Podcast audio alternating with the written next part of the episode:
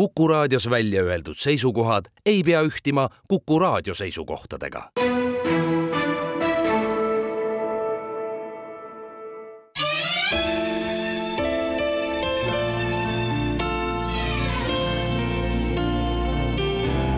nädala raamat.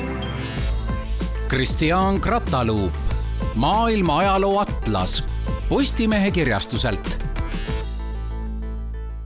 ilusat uut suvenädalat, head kuulajad! loodetavasti sellist, kus jagub aega ka piisavalt lugemiseks ning seeläbi eneseharimiseks. nagu hästi teate, ei pea üks hariv ning silmi avardav aimeraamat olema tingimata ainult tekstiraamat. kuidas see üks kulunud, aga siiski täpne kõnekäänd ütlebki. üks pilt kõneleb rohkem kui tuhat sõna. no rääkimata siis kaardist ja kui neid kaarte on enam kui viissada, mis köidetud üheks tõhusaks atlaseks ja iga kaardi juures on ka selgitav tekstilõik, mis kaardi tausta avab, võib päris kindel olla, et huviline jääb sinna raamatusse ninapidi kohe väga pikaks ajaks kinni. ja see oht ning võimalus on meie selle nädala raamatuga selgelt olemas Postimehe kirjastuse välja antud ning Kristjan Gratalupi koostatud maailma ajaloo atlas on sedavõrd tõhus materjal, et ilmselt on sellele antud raamaturiiulist kätte ja tagasi aktiivselt käia aastaid ja miks mitte ka põlvkondi. aga tsiviliseeritud maailma ajalugu kogu tema ulatuses huvilistele selgeks teha ongi üks väga mahukas töö ja seda oleme varemgi siin Kuku nädala raamatuski asjaomaseid raamatuid tutvustades varem tõdenud ja kui kogu see tsiviliseeritud maailma ajalugu veel kaartides lugeja ette laotada, no võite ette kujutada või isegi pigem mitte, kui mitu sekvoiatäit pabermaterjali sellele võiks kuluda või kui kõrge too rivi kaardistikke oleks üksteise otsa laotatuna. ainuüksi Napoleoni sõjakäigud, kui suudate ette manada iga neist, võiks võtta ju doktoritöö jagu materjali ning uurimist. ja muide, meie nädala raamatussegi on tervelt üheksa Napoleoni Prantsusmaaga seotud kaarti sattunud aga siin pole ainult Napoleon ja Euroopa, vaid kogu maailm, alates inimeste eellastest, australopiteekustest ja nende rändamistest, kuni merealuste tehnoloogiakaablite kaardini kahekümne esimesel sajandil välja. ja tuleb aukartust äratava ohkega mõelda autorile ja tema kaastöölistele, millise valiku on nad nüüd püüdnud teha sellesse korraliku suurusega raamatusse, et anda adekvaatne pilt maailma kujunemisest tõepoolest mitme miljoni aasta tagant ja kivikirvestest alates kuni kaasaja Hiina püüdlusteni välja maailmas domineerida. nüüd siin ja tulevikus. no võimas meie nädalaraamat ilmus originaalis trükist nelja aasta eest ja ilmselt hoidis Postimehe kirjastus sellel juba siis pilku peal Postimehe fondi toetatuna ilmus meie nädalaraamat eestikeelsena eelmise aasta lõpus. tekstid tõlkis sellel Madis Jürviste, toimetas Karin Lippus ja Atlase puhul alati väga olulise küljendustöö tegi Kalle Müller. kogu Atlase väljaandmise projektijuht oli kirjastuse poolelt Piret Veigel. niisiis maailma ajalugu kaartidel, üldisest üksikuni ja vastupidi. tuleb tunnistada, et hiilgavalt teostunud sest meie nädalaraamatus on tõesti kõike, alates suurtest maailmakaartidest kuni päris konkreetsete detailsete aegruumi viidud kaartideni välja, nagu näiteks Prantsusmaa revolutsiooni kulg Pariisis aastail tuhat seitsesada kaheksakümmend üheksa kuni tuhat seitsesada üheksakümmend viis või palverändurid Roomas kuueteistkümnendal, seitsmeteistkümnendal sajandil. Need kõik kaardid kannavad mingit olulist lugu või etappi maailma kujunemise loos no rääkimata siis maailma avastusi järgemööda kajastavatest kaartidest või näiteks maailma tükeldavatest kaartidest, kui me räägime erinevatest koloniaalajastutest ja poliitikatest. ja ikka kronoloogilist telge mööda, tagantpoolt ettepoole. selge see, et Toomas Taapne töö pole ainult Kristjan Kartalupi töö, ehkki tema nimi autorina ainsana kaanel seisab. ja nagu raamatu sissejuhatuses märgitaksegi, see on ajaloolaste ja kartograafide ühistöö milles sündinud mastaapne teatmeteos koondab terve asjatundjate armee teadmisi, heites pilgu inimkonna arenguloole. ja mis ilmselt siis ka meie raamatu säsi on, need on nähtavad ajalookaardid, mis aitavad piltlikult mõista, kuidas mõjutab aeg erinevate piirkondade kujunemist, pakkudes avastusrikkaid hetki kaugemast ja lähemast minevikust meie nädalaraamatu allikaks on alates tuhande üheksasaja kaheksakümne seitsmendast aastast Prantsusmaal ilmuvas ajaloo ajakirjas L'Historie avaldatud materjal, iga ilmunud artiklit tolles ajalookirjas illustreerib alati vähemalt üks maakaart seega siis on igati asjakohane tõmmata paralleel ka eelmisel aastal meie Postimehe nädalavahetuse lehe vahel ilmunud Viguriga kaartidele, millest samuti, kui mäletate, eelmisel aastal sündis atlas Viguriga kaardid, mis ka meilt siin tutvustuslaual läbi käis. Raamatu autoriks märgitud, nimetagem seda siis või teda siis projektijuhiks, Kristjan Gratalupp on ajaloolise geograafia asjatundja, Pariisi Diderot ülikooli emeriitprofessor, mitmete publikatsioonide autor ta on ajakirja erakordsest varamust siis valinud, taasloonud ja kommenteerinud raamatusse viissada viisteist maakaarti. nõnda jõuab siis lugeja pilgu ette inimkonna ajalugu alates selle tekkest kuni tänapäevani ja oluline on kindlasti ka ära märkida, sest kaardid on üks väga nõudlik materjal, et nende autor, kaartide autor siis on Prantsusmaa firma Legend Cartographie, kus valmivad kaardid nii ajakirja, atlaste kui ka kooliõpikute tarbeks head kuulajad, istudes nüüd vaata et sõna otseses mõttes selle võimsa kaardimaterjali keskel, on ausalt öeldes ka päris korralik väljakutse nüüd püüda jutustada raadios sellest, mida näitab üks kaart. eks pildi jutustamine ongi raske ülesanne. aga võtame selle väljakutse vastu ja proovime siis eesseisva arginädala jooksul mõned atlases sisalduvad kaardid mõtestada ja tekstiks vormida ühes selgitustega, mida nad peaksid täpselt maailma ajaloos tähistama ja alustaks kohe siinkohal päris raamatu keskel asuva kahe kaardiga. esmalt nimetame ära, et me oleme raamatus peatükis, kuhu on laotatud Euroopa kaardid kuueteistkümnendast kuni kaheksateistkümnenda sajandini. ja nende konkreetselt kirjeldatava kahe kaardi peal on kujutatud Prantsusmaad kaheksateistkümnendal sajandil tegemist oli toonase Euroopa ja seega siis kogu maailma ühe mõjuvõimsama riigiga. siis veel kuningriigiga, kuivõrd kaardid on aastatest tuhat seitsesada viisteist ja tuhat seitsesada üheksa. Nende kahe kaardi temaatikaks on kuningriigi teed kaheksateistkümnendal sajandil. ja kui nüüd esmapilgul tundub vähe kentsakaski see teemakäsitlus, siis lähemal järelemõtlemisel kindlasti mitte nõnda olulise sõjandusliku ja majandusliku jõu ning väga suure riigi haldamiseks oli logistika, ligi- ja läbipääsetavus riigi erinevatesse paikadesse kindlasti olulisemate küsimuste hulgas. ja nõnda ongi siis nendel kahel kaardil võrdlusena kujutatud, kui mitme päevaga jõudis aastal tuhat seitsesada viisteist Pariisist kuni Prantsusmaa riigi piirideni ja kuhu oldi jõutud aastaks tuhat seitsesada kaheksakümmend üheksa. ja veel täpsemaks minnes, meie vaadeldaval kahel kaardil on niisiis Pariis kesksel kohal ja sealt edasi juba vahelduva kollase värviga vöödid, mis tähistavad enam-vähem ühe päeva teekonda. no näiteks tollel vanemal kaardil näeme, et Pariisist Le Mani jõudis Noil aastatel napilt veel viie päevaga ja lõunasse Vahemereäärsesse olulisse kaubandussõlme Marseille'sse viieteistkümne päevaga. ning seitsekümmend neli aastat hiljem on need vöödid juba märksa laiemad ja teisel kaardil on neid ka oluliselt vähem aastal tuhat seitsesada kaheksakümmend üheksa jõudis Pariisist Le Mani kõigest kahe päevaga ja Marseille asus toona juba kaheksa päeva teekonna kaugusel muidugi on neid olulisi linnasid ja asulaid kaardil märksa rohkem ja neid sirvides ning päevateekondi silmitsedes tulid paratamatult kolm musketäri meelde, kui mäletate, sealgi oli üsna asulaterohkelt erinevaid teekondi kirjeldatud. ja süüvides nüüd kaartide all olevasse teksti, saame ka kinnituse sellele, mida kaardil näeme ja kinnituse ka sellele, miks need kaardid olulised lugejale teada on ajaloolasest autor toob esmalt näiteid, kui palju kahe erineva kuninga välja toodud aastatel olid need siis Louis neljateistkümnes ja Louis kuueteistkümnes ajal kulus Pariisist Püreneedesse jõudmiseks aega. aga siis nüüd see selgitav pool.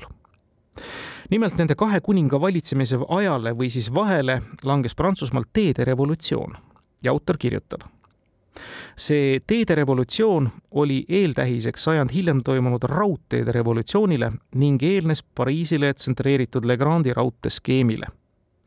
kaheksateistkümnenda sajandi alguses olid Prantsusmaa teed lihtsalt nelja-viie meetri laiused pinnaseteed, mis olid talviti ka tihti läbimatud enne revolutsiooni, pärast poolt sajandit kestnud järjepidevat tööd, mida juhtisid insenerid Trudin ja Perronet, oli kuningriigil juba kolmkümmend tuhat kilomeetrit kivikattega sillutatud teid, mida hooldas tuhande seitsmesaja kuueteistkümnendal aastal loodud Sildade ja Maanteede Ameti inseneride korpus, et rajada riigile tõsiseltvõetav teedevõrgustik.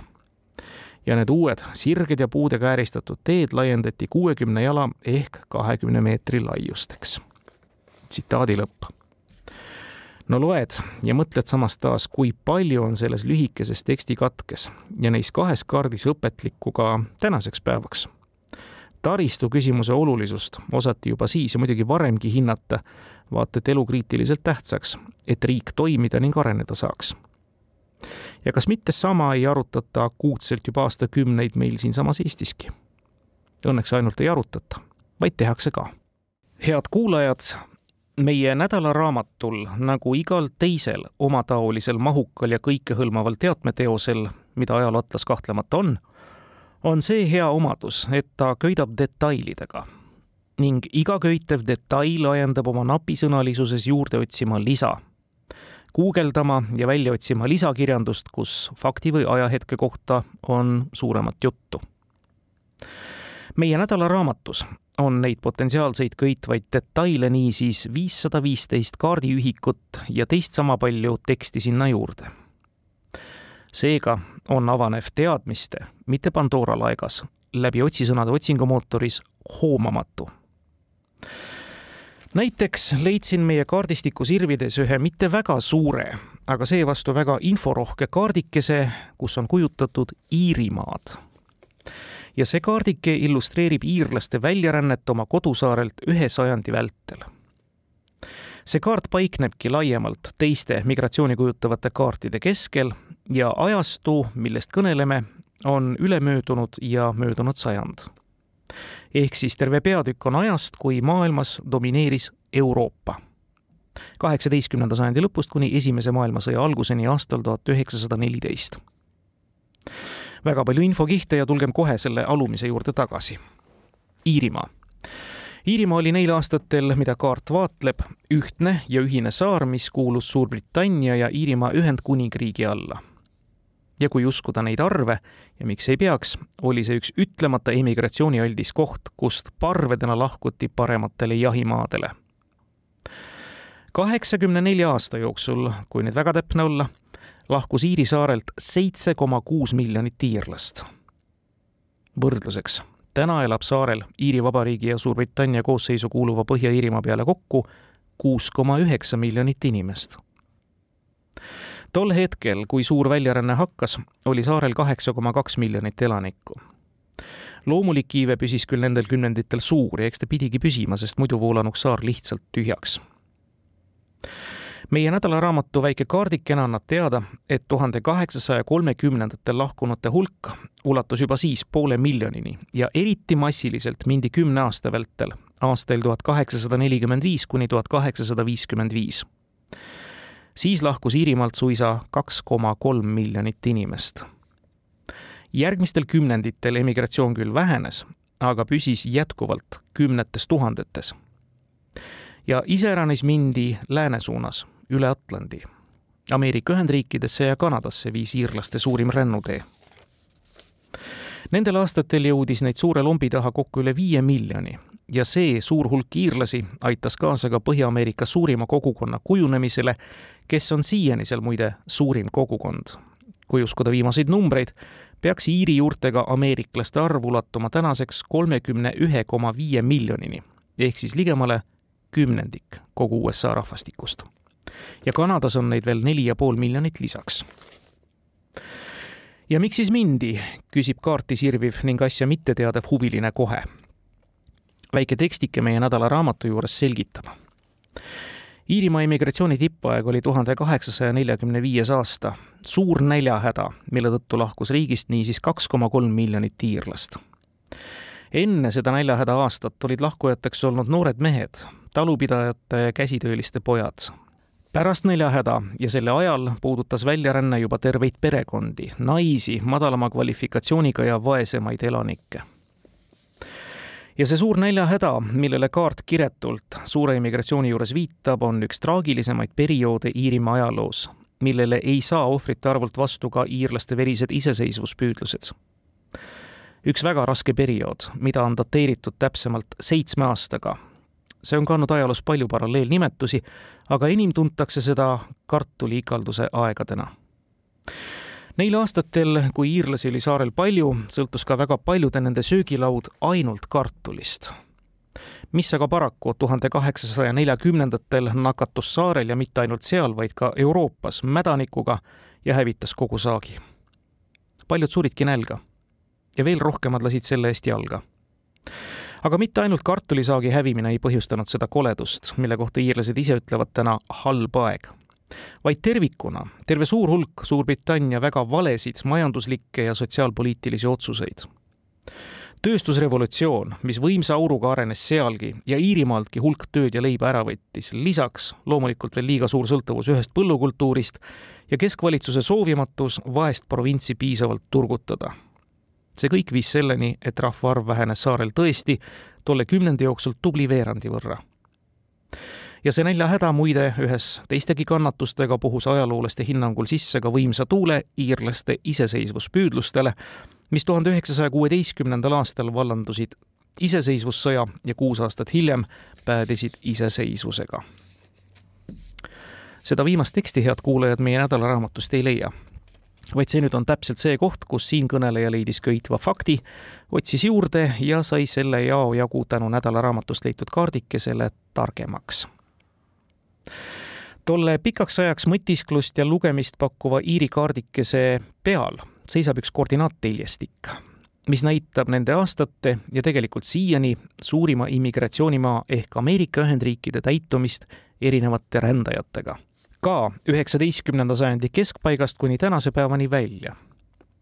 ja põnev on selle tabeli juures jälgida, kes, mis ajahetkel ja kui suure osa Ameerikasse immigreerunutest moodustasid ning ajaliselt skaalal vaadatuna on enamuse sisserännanutest USA-sse moodustanud läinud pooleteise sajandi jooksul eurooplased, iirlased, nagu nüüd siis teame. tuhande kaheksasaja viiekümnendatest kuni eelmise sajandi vahetuseni teisi õieti ei olnudki. aga sealtmaalt hakkasid tooni andma juba ka Kanadast üle lõunapiiri tulnud sisserändajad kuskil tuhande üheksasajandate aastate jooksul hakkab suurenema vaikselt ka asiaatide osakaal, aga mitte palju tolle teljestiku keskel Esimese maailmasõja lõppu tähistava tuhande üheksasaja kaheksateistkümnenda aasta koha peal näeme, et sisserännanute arv USA-s on tol aastal kasvanud juba kolmeteistkümne miljoni inimeseni, kelledest kaheksakümmend seitse protsenti on eurooplased. ning see sisserännanute arv püsib sellel platool umbes tuhande üheksasaja kuuekümnendate aastateni. ja ka vahekorrad sisserännanute seas püsivad samad eurooplasi ikka üle kaheksakümne protsendi, veidi kasvab juba ladinaameeriklaste ja kanadalaste arv, juurde lisanduvad Okeaaniast tulijad.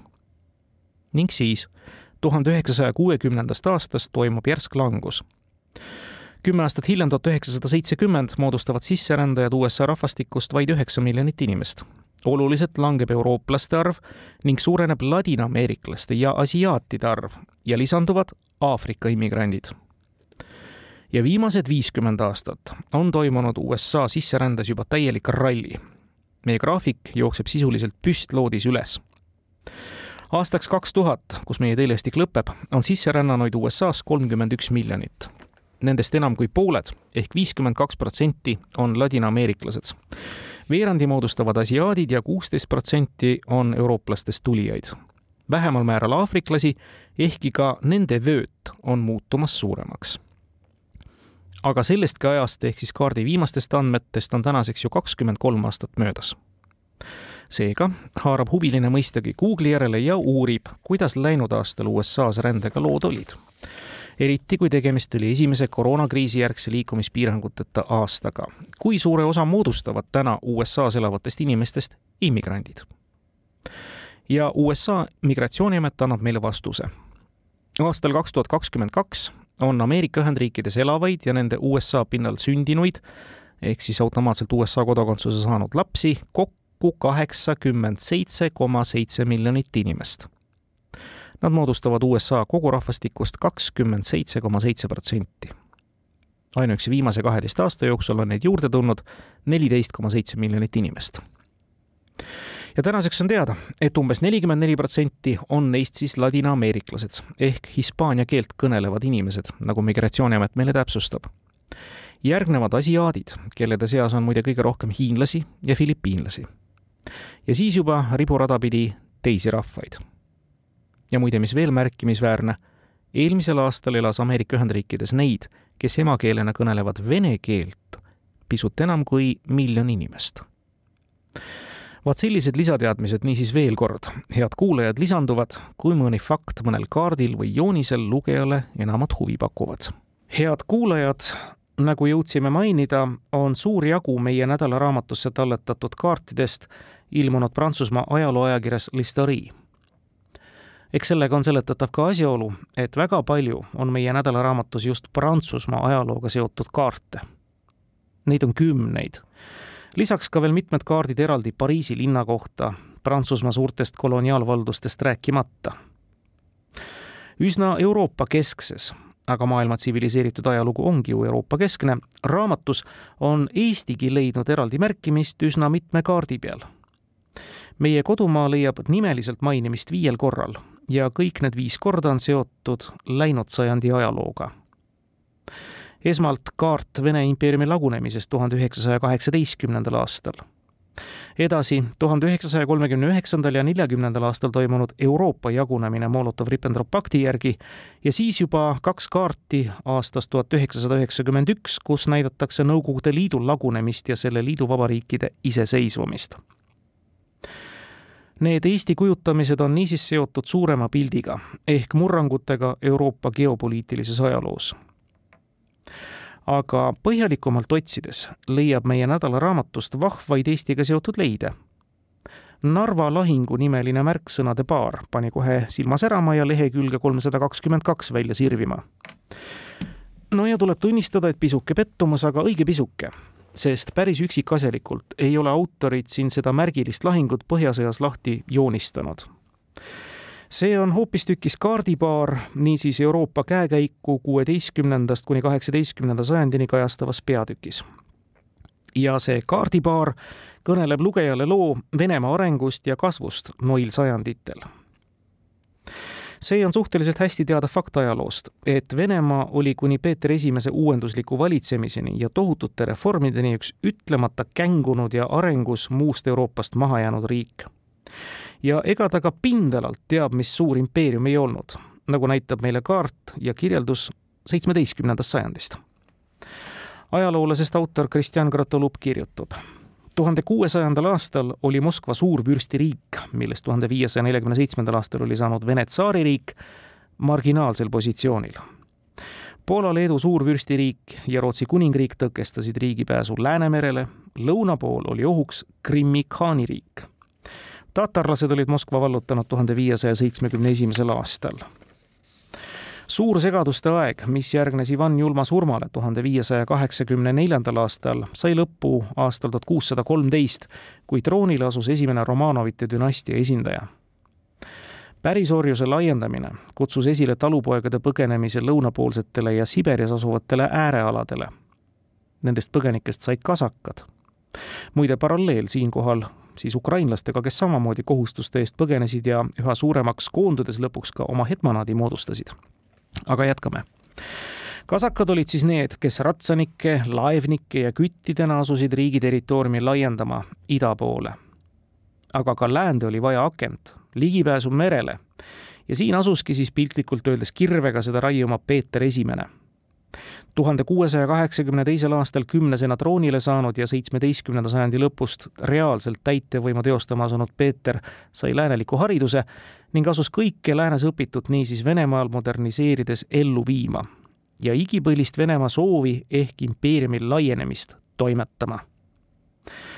aastal tuhat seitsesada sõlmis Venemaa liidu Poola ja Taaniga, Põhjamaades laiutunud Rootsi vastu Rootsi andekas noor kuningas Karl kaheteistkümnes aga alistas taanlased ja saavutas ka võidu venelaste üle Narva lahingus aastal tuhat seitsesada ja aasta hiljem ka poolakate üle Düna kallastel. seejärel juba lõuna pool Klišovis ja asus oma retke seadma Moskva suunas teel aga lõppes toidupoon, mistap Karl oli sunnitud minema lõunasse ja lõpuks põgenema Osmanite impeeriumisse, mis toona ulatus siis Ukraina aladeni vaat sellise loo jutustab meile kaart, mida siinkõneleja hakkas otsima Narva lahingu kohta illustratsiooni otsides. mõned momendid kõnelesin lisaks juurde. ja too nimetatud kaart jah, näitab meile tõesti suuresti Karl kaheteistkümnenda teekonda tolles osas Euroopas ja ka Venemaal, millest äsja kõnelesime. kõrval aga sellesamal kaardil on näha läbi kahe vööndi, kuidas on kasakad samal ajal laiendanud Venemaa piire Uuralitest sügavamale Siberi poole. Ja muide, Peterburi linna tollel varasemal ehk siis vasakpoolsel kaardil ei ole. küll aga parempoolsel, sellel uuemal, mis kõnelebki juba siis Vene keisri, mitte tsaaririigist lugeja ja kaardiuurija saab teada, et Peeter on endale vahepeal ja see on aastal tuhat seitsesada kakskümmend üks võtnud keisritiitli ja alistanud Rootsi vaenlase Karl kaheteistkümnenda. Venemaa keisririigi ala on kujutatud sel kaardil kollase värviga aastal tuhat seitsesada kuuskümmend kaks ja sinna alla kuuluvad juba ka Eestimaa ja Liivimaa kubermängud ning sõjakäikudega aastatest tuhat seitsesada seitsekümmend kaks kuni üheksakümmend kolm lisanduvad tänase Valgevene, Leedu ja Poola alad, mis on võetud Leedu-Poola suurvürstiriigilt ja lõunast, on enesele saadud üks alatine vallutamise sihtkoht ehk Krimmi poolsaar. Järgneva paari aasta jooksul Katariina teise valitsemise ajal tungitakse veelgi sügavamale Leedu-Poola territooriumile. kaardil leiavad äramärkimist nüüd juba ka väga oluliste tööstuslinnadena, täpsemalt siis metallurgiakeskustena mitmed paigad ja ka tekstiilitööstuse keskused ning selgitav tekst annabki siis aimu sellest, milliseks impeeriumiks Peeter Esimese alustatud ja tema järelkäijate jätkatud reformid ning vallutused Venemaa tõstsid. Tegelikult ega Peetri vahetud järeltulijad keisritroonil seda väga teinudki alles valgustatud autokraadi, nagu kirjeldab teda autor, Katariina teise ajal hakkas riik laiendama oma territooriumi lõuna ja lääne suunas ning hõivas enam kui pool miljonit ruutkilomeetrit tuhande seitsmesaja kaheksakümne kolmandal aastal annekteeriti Krimm ja aastail tuhat seitsesada seitsekümmend kaks kuni üheksakümmend viis osaleti Poola jagamisel. Katariina Teine jätkas Peeter Suure poliitikat ja moderniseeris arvukate Saksa immigrantide toel põllumajandust ning arendas tööstust iseäranis Uuralites ja muide, kaardilt ongi näha, et enamik rohelisi ruute, mis tähistavad metallurgiatööstusi, paiknevadki Euroopa piiriks loetavas mäestikus kaheksateistkümnenda sajandi lõpuks oli Venemaa maailma suurim raua, malmi ja vasetootja. selline ekskurss meie kaardi abiga siis idanaabri ajalukku. Aga üks vööt muide torkab silma veel, see on sinine ning tingmärgiks on sellele märgitud Pugatšovi ülestõus tuhat seitsesada seitsekümmend kolm, seitsekümmend neli. jah meenub ju küll midagi ajalootundidest, et mingi taoline talupoegade mäss, mis oma kummastaval kombel on võrreldav ka läinud nädalavahetusel toimunud mässukatsega Venemaal ju toimus. aga kuna meie nädalaraamatus ei ole selle kohta peale kaardil märgitud triibu ühtegi silpi, vaadakem siis taas otsingusõnade abiga, mida autor täpselt sel kaardil tolle vöödiga silmas peab. nimelt seda tsaaririigi ajaloo üht silmapaistvamat mahasurutud mässu või isegi kodusõda, mille algatas Doni kasakate perest pärit Jemeljan Pugatšov. seitsmeaastase sõja ja ühe järjekordse Vene-Türgi sõja veteran Pugatšov teenis tsaariarmees, kust ta tuhande seitsmesaja seitsmekümnendal aastal deserteerus omades väga silmapaistvaid juhiomadusi ja ka talenti üsna usutavalt valetada ennast võimult tõugatud tsaar Peeter Kolmandaks, koondas Pugatšov enda juurde oskuslikult riigivõimus pettunud talupoegi ehk orje, samuti tagakiusatud vanausulisi, teisi kasakaid ja kogus lõpuks kokku märkimisväärse armee, jaiki kasakaid, millega asus avalikult vastu Katariina teise tsaarivõimule ja asus marsile pealinna peale nii et seda võrdlust sel nädalavahetusel toimunuga ei teinud ma asjata.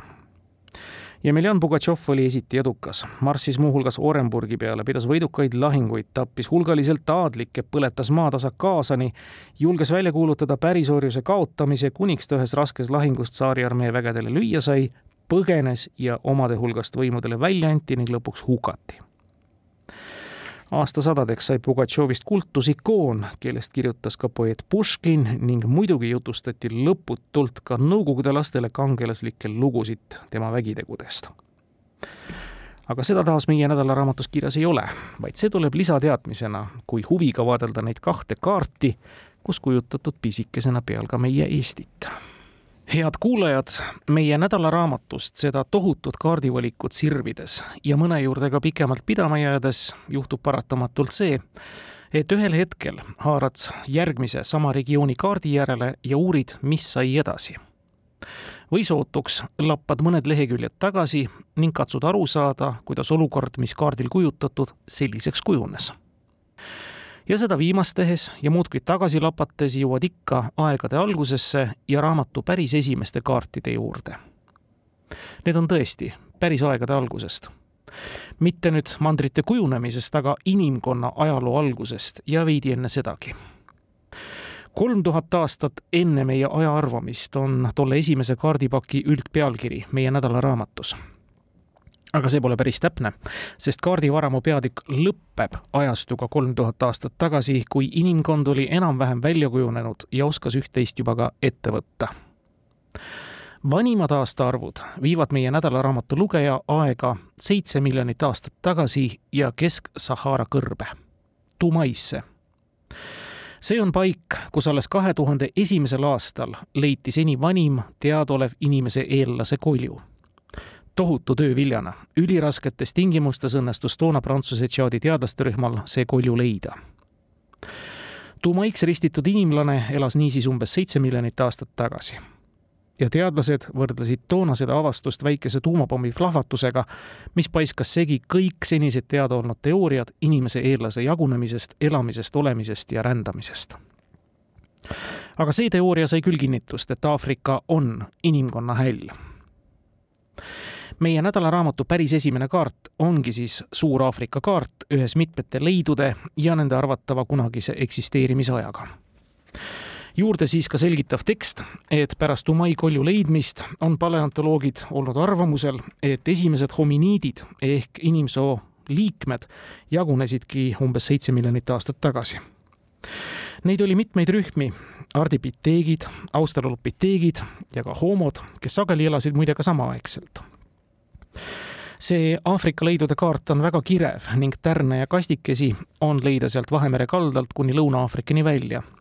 ja eriti palju on neid leide tänase Etioopia ja Somaalia sarvealadelt, Awashi ja Omo orust, kust on leitud väga palju inimfossiile ja kust teame, et on leitud ka kuulsaim meie eelkäija, kogu maailma esiemaks ristitud Lucy päris otsesed inimese eellased olid siis homod, kellest homo sapiens ehk tark inimene kujunes välja umbes kakssada tuhat aastat tagasi. tema oli siis ka see, kel oli lõpuks tarkust rännata Aafrikast välja ja levida üle kogu maailma ning asendada järk-järgult kõik teised seal elanud liigid. see lause kõlab veidralt, aga on bioloogiliselt täpne see asendus, nagu autor teda nimetab, ei välista ka mitmeid segunemisi ja on lõpuks inimkonna bioloogilise ühtsuse seisukohalt otsustava tähtsusega. ja see teema on nüüdisaegsete teadusarutelude seas tähtsal kohal. ja järgnevad kaardid meie nädalaraamatus, mis lisaks homo sapiensi rändele näitavad ka tema eellase homo paiknemisi, kinnistavad seda teadlaste dispuudi kohta me näeme siin kaartidel juba laiemalt Euraasiat ja Aafrikat, kuhu on märgitud ka väljaspool Aafrika mandrit leitud kuulsad fossiilsed leiud näiteks Heidelbergi mees Saksamaalt, kelle vanuseks on dateeritud kaheksasada tuhat aastat. tema järgi määrati ka muide vastav inimlase arengujärk ja sellest ajajärgust pärinevat leitud fossiile nimetataksegi Homo heidelbergensisteks aga on veel vanemaidki leide ja mitte tingimata inimlasi füüsilisel kujul, vaid näiteks ka nende tööriistu. Hiinast kaks miljonit aastat tagasi, Gruusiast üks koma kaheksa miljonit, Pakistanist üks koma viis miljonit ja nõnda edasi kõik need leiud on leitud viimase sajandi jooksul ja iga värskeim neist on teadlased aga uude vaidlustesse paisanud. autor kirjutab, et praeguse teadusliku stsenaariumi järgi arvatakse, et perekonna Homo esimene jagunemine leidis aset vanas maailmas kaks miljonit kuni üks koma kaheksa miljonit aastat tagasi vaieldakse küll jagunemisprotsesside ja geneetilise evolutsiooni vahelise seose üle ning vastamisi on kaks peamist mudelit üks, mis väidab, et inimene arenes inimeseks Aafrikas ja teine, mis ütleb, et see võis toimuda ka väljaspool Musta mandrit. nüüdseks on tekkinud ka vahepealne mudel, mis ei välista kumbagi võimalust ja pakub välja segunemist ja rändega seotud pidevaid geneetilisi põiminguid järgmised kaardid meie nädalaraamatus manavad lugejale ette juba selle, kuidas välja kujunenud inimene ehk homo sapiens vallutas maailma kõige varasemalt ehk see kakssada tuhat kuni kuuskümmend tuhat aastat tagasi viis teekond loogiliselt Aafrikast üles Euroopasse ja itta Aasiasse. Austraaliasse jõudis tark inimene arvatavalt kuuskümmend tuhat aastat tagasi. Ameerikasse aga läbi Siberi ja Alaska nii hinnanguliselt aastail kolmkümmend tuhat kuni viisteist tuhat enne meie aja arvamist. ja sealt alla juba Lõuna-Ameerikasse umbes kaksteist tuhat aastat tagasi eraldi muide leiab äramärkimist, et Lihavõtte saar sai asustatud ilmselt siis juba kauget merd sõita mõistva inimesega aastal tuhat enne meie aja arvamist ja Hawaii umbes kaheksasajandal aastal enne meie aja arvamist huvitava leiuna on Madagaskari saar, ometigi Aafrika mandri külje all, aga alles kolmesajandal aastal enne meie aja arvamist on leitud sealt nii-öelda vanimad leiud asustuse kohta. Tõsi, päris kõikjale nimetatud mandritel ja paikades inimene ei jõudnud, sest ärme ära unusta, et vahelduv jääaeg mõjutas neid rännakuid ka ja viimatine jääaegadest hakkas siis taanduma oma maksimaalsest ulatusest nii umbes kakskümmend tuhat aastat tagasi. jäämassi levik on ka ühel kaardil siin peatükis äramärkimist leitud ja ka meie Eesti koos ülejäänud Põhja-Euroopaga on siin valge värviga kaetud edasi viib autor meid juba raamatus konkreetsete maailmajagude juurde ja näitab inimkonna hargnemist seal ning suurimaks mõjutajaks on endiselt jääaeg. Ameerika mandri juures on põnev täheldada, et kui homo sapiensid üle Beringi väina niisiis kolmkümmend tuhat aastat tagasi tulid, leidsid nad kahe suure jäävälja ehk liustiku vahelt üles tänaseks Mackenzie nime kandva läbipääsu ja hargnesid sealt läbi tulles idarannikule, sinna jõuti tänase teadmise kohaselt viisteist tuhat aastat tagasi, ja üle mägede ka läänerannikule, kust on vanimad leiud pärinemas aastatest seitse tuhat ükssada enne meie aja arvamist ja muidugi liiguti kiiresti edasi ka lõunasse. Kesk-Ameerika vanimad leiud on aastast kakskümmend kuus tuhat enne meie aja arvamist ja muide samad vanad omataolised ka tänase Brasiilia aladelt. ja tuleb tunnistada, et selle kaardi silmitsemine võtab kukalt kratsima ja küllap on seda tegemas ka teadlased. sest aastaarvud erinevatest leiukohtadest on sedavõrd varieeruvad. no näiteks Taimat Taima nimeline leid Venezuela aladelt no vastu merd. inimasustuse olemasolust viitab seal umbes kaheksa tuhande kuuesajal aastale, samal ajal kui hulka maad lõuna pool on kümnete tuhandete aastatega dateeritud leide. hea küll, võtame ette Austraalia ning nooled ja aastaarvud näitavad kaardil tõepoolest, et esimesed austraallased kui sellised tekkisid mandrile umbes kuuekümne tuhande aasta eest ja nad jõudsid sinna läbi Kagu-Aasia, üle Sunda väina, Borneo ja Uus-Guinea saarte kaudu nimetatud saartel on nende tulijate eelkäijate traditsioonilist eluviisi muide ka tänases maailmas kõige rohkem viljeletamas. kui me nüüd kõneleme nendest hõimudest, keda nimetatakse välismaailmaga minimaalses kontaktis või suisa olematus kontaktideks olevateks pärismaalasteks. ja neid on ka Amazonases muidugi omajagu aga jätkame ja uurime siis ka autori kirjalikke selgitusi ja tegelikult üks oluline mõistatus saab selgemaks arheoloogia on võimaldanud dateerida tõenäoliselt niisiis esimeste Aafrikast välja rännanute seast põlvnenud saapientside jõudmise Austraaliasse siis vähemalt kuuskümmend tuhat aastat tagasi. viimasel jääajal moodustasid Austraalia, Tasmaania ja Uus-Guinea ühe ainsa kontinendi, Sahuli. India ookeani saarestik Sunda mandrilava oli toona veepinnast kõrgemal ja seetõttu oligi Sahuli rändamine lihtne tõesti, kui nüüd tekkis küsimus, kuidas nendel kaugetel aegadel üle kauge vee jõuti. ja sama teema ning alapeatüki lõpetuseks siis veel Euroopa lõunaosa kaart, sest põhjas ju laiutas jääkilp. see annab meile kohe väga palju ruudukesi erinevate leidude kohta, on nad siis koopamaalingud, tööriistad või muud hilispaleoliitikumi leiukohad, mille järgi inimkond täna oma teadmisi täiendab, uuendab ja nagu meie kaardiraamatust ka teada saame, uusi vaidlusi tekitab head kuulajad, meie nädalaraamat saab otsa aastaga kaks tuhat üheksateist. viimased kaardid kajastavad kõike seda, mis maailmas ja tema põnevamates ning aktuaalsemates paikades on sündinud viimase neljakümne aasta jooksul. lõviosa sellest kaardistikust võtavad enda alla muidugi külma sõja lõpu järel kujunenud riikide piirid. Nõukogude Liidu lagunemine, uute iseseisvate riikide teke, uued jõujooned maailma geopoliitikas Saksamaa ühinemine, Jugoslaavia lagunemine, Rwanda ja Burundi sõjad üheksakümnendatel Lähis-Ida konflikt ja uuest sajandist juba ka Araabia kevad ning eraldi kaardina muide ka Süüria kriis. päris viimane peatükk aga sisaldab kaarte, mis tõepoolest annavad aimu sellest, mille nimel on viimastel kümnenditel maailmas võideldud ja need on meie maakera ressursid.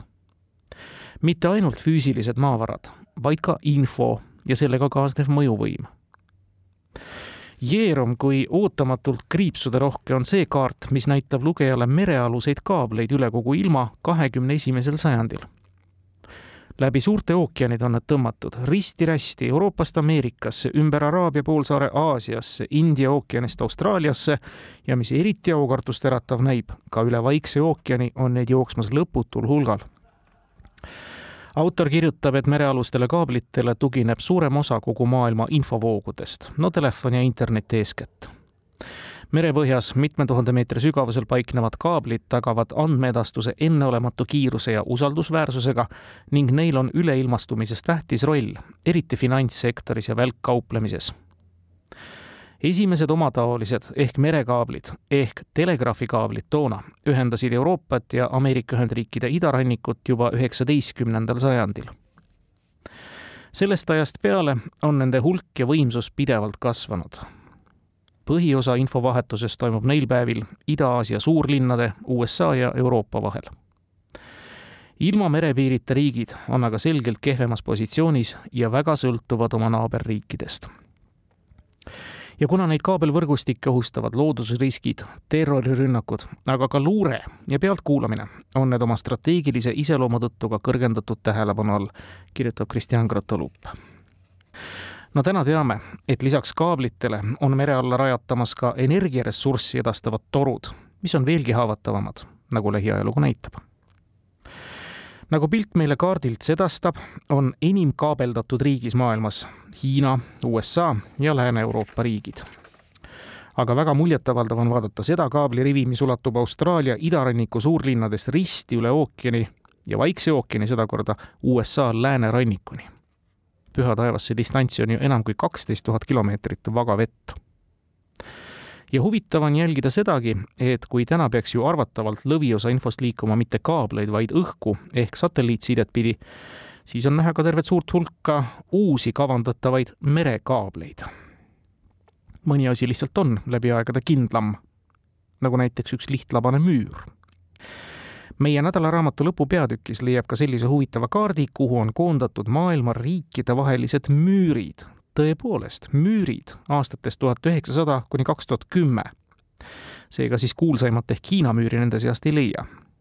küll aga hulk teisi müüritrasse, milledest pikim näib olevat kaardi järgi USA ja Mehhiko vaheline see on veel suuresti tõesti kavandatav müür, kui mäletate need Donald Trumpi asjakohast uhket plaani see, et Põhja-Korea on ennast sisse müürinud, muidugi ei üllata, Jeemen vast ka mitte, aga Bangladeshi ümbritsev punane jutt on suur üllatus. ka need piiritarad, mis on Kesk-Euroopast siin kaardil välja joonistumas. aga kui mäletate, olid need massilise rändekriisi aegsed rajatised. aga tõesti, tänapäeva kaasaegse piiritehnoloogia juures müür, müür kui selline. loeme, mida märgib autor kaardi illustratsiooniks maailma läbib järjest kasvav hulk igasuguseid voogusid, kuid piiride avamine on valikuline protsess. paljude migrantide jaoks ei tähista üleilmastumine mitte piiride kaotamist, vaid nende kindlustamist. ja kõikjal üle kogu maailma püstitatakse üha enam müüre, nagu tõestab ka kaardi juures asuv kronoloogia peame korra kinni ja loeme seda kronoloogiat. tõesti, kõige enam on riikidevahelisi müüre tekkinud kahekümne esimese sajandi esimestel kümnenditel siit leiame näiteks Brunei, Malaisia, Iisraeli, Liibanoni, aga ka Brasiilia, Boliivia vahelise müüri. no ja pärast Araabia kevadet tundub, et on ennast sisse müürinud ka suurem osa kevadmässu sattunud riikidest. jätkame lugemist sõna müür all ongi siis mõeldud füüsilist, betoonist või okastraadist mitte teisaldatavat tõket, mida täiendab rohkem või vähem keerukas kontrollisüsteem, valvetornid, läbipääsupunktid, andurid ja kõik muu vajalik müüride püstitamiseks on mitmeid motiive. konfliktide järel on see esmane reaktsioon. võitlus migratsiooni vastu, salakaubanduse tõkestamine, ennast terrorismi eest kaitsmine ja nõnda edasi. ja tihti on müüri püstitamise põhjuseid mitmeid, korraga ja kombineeritult. osa müüre on surmava iseloomuga asjasse puutuvatel aladel peatatakse müüride abil hooajaline migratsioon ja kontaktide dünaamika, mis iseloomustab piiriüleseid territooriume, kirjutab autor siiski, hoolimata müüride arvukuse kasvust kahekümne esimesel sajandil, on nende osakaal maismaa piiride seas siiski tuntavas vähemuses ja kogu maailma piirirajatistest peaksid nad moodustama sõltuvalt arvutusmeetodist kolm kuni kakskümmend protsenti. eraldi ja väga pikka süvenemist vajab meie nädalaraamatus kindlasti ka kliimamuutuste kaart, kus on kaardistatud need muutused küll võimaliku ohuna, kus regioonis rohkem, kus vähem. Äärmuslikud riskiriigid jäävad sinna India ja Kagu-Aasia kanti üha suurenev tuleoht, mis on eraldi ära märgitud, on siis loomulikult metsavöönditega riikides. siin-seal on püsti pandud ka märgid, mis näitavad halvenevat põllumajandusolukorra riski. Austraalias näiteks torkab see eriti silma. ja merede peal loomulikult tsüklonite suurenenud oht. Muide, väga murettekitav on nende ringide ja vööndite hulk ja suurus kaardil, mis sademete hulga vähenemist näitavad ja teisipidi ka need piirkonnad, kus on ennustatav väga suur merevee taseme tõus. viimased kaks kaarti meie nädalaraamatust on pooluste päralt. põhjapoolus ja lõunapoolus alates tuhande üheksasaja viiekümne üheksandast aastast. ja jõuamegi taas ressursside juurde, mille jagamata osale praegu kõik võidu jooksevad põhjapoolust kujutavale kaardile on maha märgitud siis sellega piirnevad riigid, nende olulised rajatised nagu sadamad ja sõjaväebaasid, aga ka Kirde- ja Loodeväil ning mis taas väga mõtlema panev, võimalik tulevane Keskmere tee. Üle põhjapooluse, mis teame, et aeg-ajalt suviti sulabki lahti, on laevatatav ja ilmselt aastaks kaks tuhat seitsekümmend, nagu kaart sedastab, peaks see Keskmere tee olema läbi poolusega suvel igati läbitav Kristjan Gratalup selgitab. Arktika polaaralad on rikkad strateegiliste ressursside, iseäranis nafta poolest, millele on kliimamuutuste tõttu üha hõlpsam ligi pääseda. jääga kaetud alade vähenemine loob ka uusi mereteid ja seda teemat kajastatakse meedias ulatuslikult.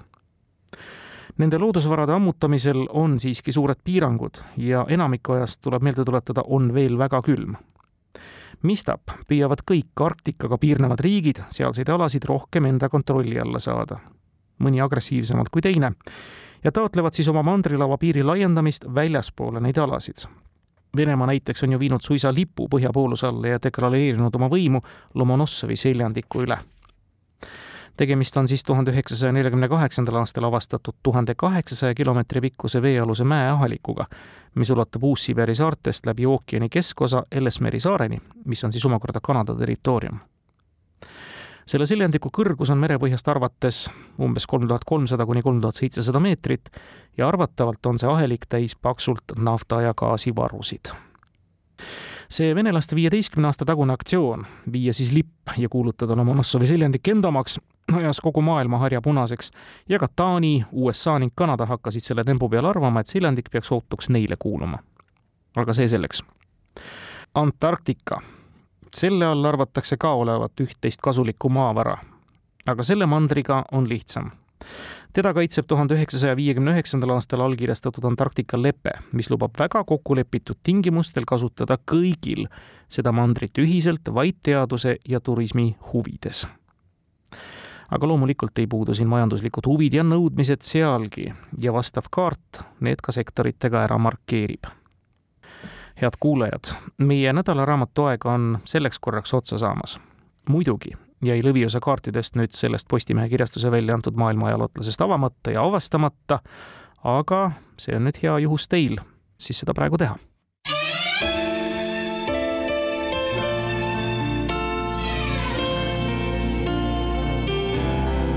Nädala raamat.